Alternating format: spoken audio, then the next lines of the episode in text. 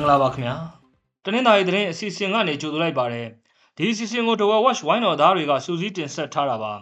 ဒီနေ့တင်ဆက်ပေးမယ့်သတင်းတွေကတော့တရချောင်းမှာဖျဲသည့်တင်ကားမောင်းသူတူအပြစ်ခံရပြီးတေဆုံးသွားတဲ့အကြောင်းတနင်္သာရီမြို့နယ်တွေကစစ်ဘေးရှောင်အချို့ငှက်ဖျားနဲ့ဝမ်းပြက်ဝမ်းလျှော့ဖြစ်များလာတဲ့အခြေအနေတနင်္သာရီမြို့နယ်တွေကစစ်ကောင်စီတပ်ကင်းစခန်းတစ်ခုတိုက်ခိုက်ခံရတဲ့အကြောင်းစစ်ကောင်စီတပ်ကဒရုန်းနဲ့ဘုံချတိုက်ခိုက်လို့ပလောမြို့နယ်ကအမျိုးသမီးတူဒဏ်ရာရသွားတဲ့အခြေအနေ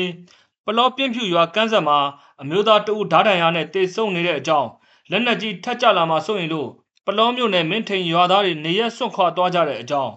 တဝဲမှာကိုဗစ်လူနာတူထပ်ပြီးတေဆုံးသွားတဲ့အခြေအနေပါဝင်ဒီနေ့ရွှေနဲ့ဗတ်စီအတက်ကြအခြေအနေတွေကိုတင်ဆက်သွားမှာဖြစ်ပါတယ်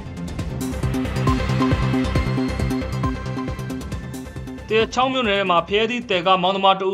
ဇွန်လတရက်ညကပြစ်ခတ်ခံလိုက်ရပါတယ်။ တဝဲဘက်ကနေဘေးဘက်ကိုမောင်းလာချိန်ည၈နာရီလောက်မှာစုံစင်ဖျားရွာနဲ့၆ချောင်းရွာကြားမှာပြစ်ခတ်ခံရတာဖြစ်ပါတယ်။ပြစ်ခတ်ခံရသူကဘိန်းမြို့နယ်စံတဝုတ်ရွာမှာနေထိုင်တဲ့အသက်53နှစ်အရွယ်ဦးဆန်နီလို့သိရပါတယ်။ပြင်းဖြူသားရွာစစ်ကောင်စီကအုပ်ချုပ်ရေးမှူးလည်းဖြစ်ပြီးပြည်သူစစ်ခေါင်းဆောင်လည်းဖြစ်တဲ့ဦးစောဝမ်းရဲ့ကလာမယ်လို့သတင်းရထားလို့ပြည်သူ့ကာကွယ်ရေးတပ်တွေကတောက်ဆောင်နေတာလို့ဆိုပါတယ်။ ဒီလိုစောင့်နေချိန်မှာဖျဲသီးတင်တဲ့ကားရောက်လာပြီးစစ်ဆေးဖို့တားရာကမရက်ပေးလို့၆လန့်ပြစ်ခတ်ရာကနေတနက်ကြီးထိမှန်ပြီးတေဆုံးခဲ့တာလို့ဆိုပါတယ်။ကားပေါ်ပါလာတဲ့အမျိုးသမီးနှစ်ဦးကတော့ထိခိုက်ဒဏ်ရာရတာမရှိဘူးလို့သိရပါတယ်။ဇွန်လ2ရက်နေ့မှာတော့ပြင်းဖြူသားရွာစစ်ကောင်စီကအုပ်ချုပ်ရေးမှုနဲ့ဆီယာမ3လိုက်ပါလာတဲ့ကားဟာစုံစင်ဖျားရွာနဲ့6ချောင်းရွာကြားက32မိုင်နားမှာပဲမိုင်းဆွဲခံရသေးတယ်လို့သိရပါတယ်။တဲချောင်းမျိုးကနေចောင်းသုံးစောက်တွေထုတ်ပြီးအပြန်လမ်းမှာမိုင်းဆွဲခံရတာဖြစ်ပြီး မိုင်းကကြိုပေါက်သွားလို့လူသူထိခိုက်တာမရှိဘူးလို့လည်းသိရပါတယ်စေအုပ်ချုပ်ရေးကြီးညာခံထားရတဲ့တနင်္သာရီမြို့နယ်တွေကစစ်ဘေးရှောင်အချို့ငှက်ဖျားနဲ့ဝမ်းပြက်ဝမ်းလျှော်ပိုအဖြစ်များလာပါတယ်။တနင်္သာရီမြို့နယ်ပြည်သူ့ကာကွယ်ရေးအဖွဲ့လက်အောက်ခံစစ်ကြောင်းနှစ်နယ်မြေထဲမှာဖြစ်ပွားနေတာပါ။အဲ့ဒီနယ်မြေမှာစစ်ဘေးရှောင်100လောက်ရှိနေပြီးသူတို့ဟာစစ်ဘေးရှောင်စခန်းအနေနဲ့တေးကြမရှိပဲနီးစပ်ရာဆွေမျိုးတွေနဲ့ဥယျင်တောတောင်တွေထဲမှာယာယီနေထိုင်ကြတာလို့ဆိုပါတယ်။ပြီးခဲ့တဲ့မေလကငှက်ဖျားတိုက်ဖိုက်နဲ့ ဝမ်းပြက်ဝမ်းလျှော့ဖြစ်သူ90ကျော်ထိရှိခဲ့ပြီးကလေးတွေလည်းပါဝင်တယ်လို့ဆိုပါတယ်။အရင်လတွေကတော့တစ်လောက်ကိုပြင်းပြ900လောက်ပဲဖြစ်ပွားခဲ့တာလို့သိရပါတယ်။ဒါအပြင်ချောင်းထဲမှာရေနှဲပါနေပြီးခန့်ချောက်လာတာကြောင့်ရေမတန်ရှင်းတော့ပဲရေပြားရောဂါဖြစ်သူတွေလည်းများလာတယ်လို့သိရပါတယ်ခင်ဗျာ။တနင်္သာရီမြို့နယ်တိန်တော်ရွာကစစ်ကောင်စီတပ်ရှေ့တန်းကင်းစခန်းကိုပြည်သူ့ကာကွယ်ရေးမဟာမိတ်တပ်ပေါင်းစုကရှောင်းတခင်ဝင်ရောက်တိုက်ခိုက်ခဲ့ပါတယ်။ ဇွန်လ2ရက်နေ့မှာမဟာမိတ်တပ်ပေါင်းစုကဝင်ရောက်တိုက်ခတ်ခဲ့တာဖြစ်ပြီးမိနစ်30လောက်တိုက်ပွဲဖြစ်ပွားခဲ့တယ်လို့ဆိုပါတယ်။တိုက်ပွဲအတွင်းစစ်ကောင်စီတပ်သားတို့ကြီးထိမှန်လဲကျသွားတာကိုမြင်လိုက်ရပြီးပြည်သူ့ကာကွယ်ရေးမဟာမိတ်တပ်ပေါင်းစုဘက်ကတော့ထိခိုက်မှုမရှိဘူးလို့ထုတ်ပြန်ထားပါတယ်။တိုက်ပွဲပြီးစစ်ကောင်စီတပ်ကလက်နက်ကြီးနဲ့ပစ်ခတ်တာကြောင့်အနည်းဝန်းကျင်ကျွေးရောကနေအိမ်တလုံးပျက်စီးခဲ့တယ်လို့လည်းသိရပါတယ်။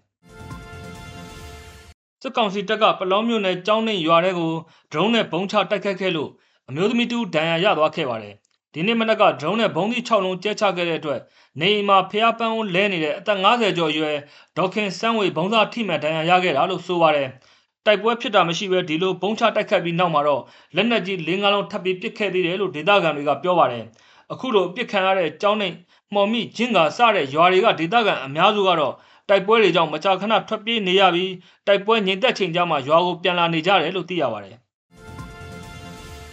ဗိတ်ခရိုင်ပလောမြို့နယ်လက်ကူးကျေးရွာအုပ်စုပြင်းဖြူရွာကန်းဆက်မှာဓားတန်ရနဲ့တစ်ဆုံးနေသူတူရေထဲမြုပ်ပါလာတာတွေ့ရှိခဲ့ကြပါတယ်။ဇွန်လ၄ရက်နေ့ကတွေ့ရှိခဲ့တာဖြစ်ပြီးအလောင်းကပုတ်ပွားနေတယ်လို့ဒေသခံတွေကဆိုပါတယ်။တစ်ဆုံးနေတဲ့လက်ကိုဝါယာကျုံးနဲ့လက်ပြန်ကျိုးတုပ်ထားပြီးဘသူကတတ်သွားတယ်ဆိုတာတော့မသိရသေးဘူးလို့သိရပါတယ်။ရုပ်လောင်းကိုလက်ကူးရွာတင်းကျိုင်းမှာမြုပ်နှံလိုက်ပြီလို့ဒေသခံတွေကပြောဆိုကြပါတယ်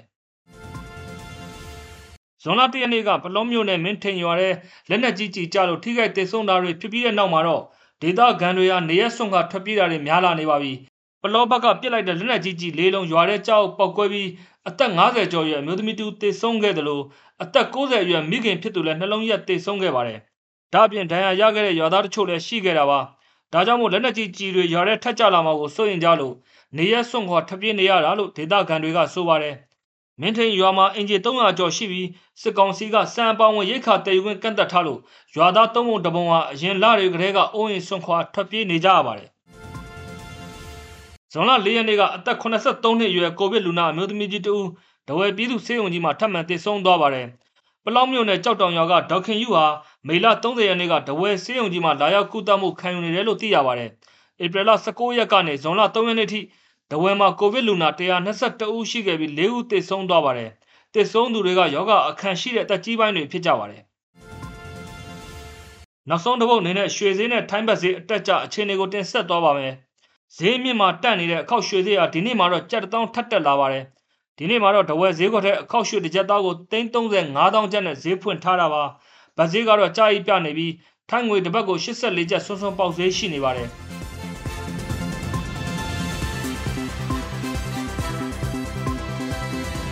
ခုလိုနားဆင်ပေးတဲ့အတွက်ကျေးဇူးအထူးတင်ရှိပါတယ်မြန်မာနိုင်ငံသားများကပ်ပြီးအပေါင်းကနေအများဆုံးလွတ်မြောက်ပါစေလို့ဒဝဲဝက်ဝိုင်းတော်သားများကစုမုံအောင်တောင်းအပ်ပါတယ်ခင်ဗျာ